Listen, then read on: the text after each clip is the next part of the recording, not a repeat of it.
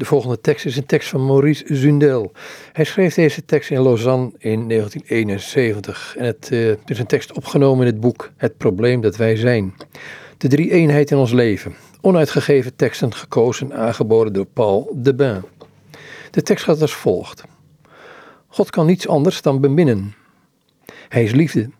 Hij is het eerste slachtoffer van het kwaad. Het kwaad bestaat slechts doordat hij in de schepping mee betrokken is tot en met de dood op het kruis.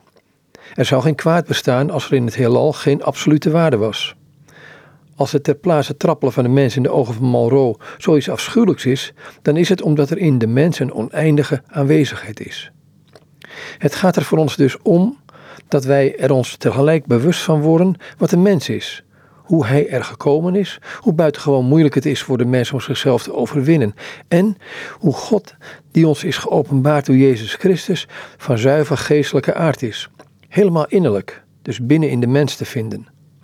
Ik weet niet of u aanvoelt wat een krachten van dit inzicht uitgaat, wat een licht het vrijmaakt.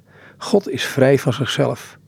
Als hij niet vrij was van zichzelf, hoe zou hij in ons bron van onze bevrijding kunnen zijn? Elke mens die werkelijk tot God nadert, herkennen wij juist daaraan dat hij vrij is van zichzelf.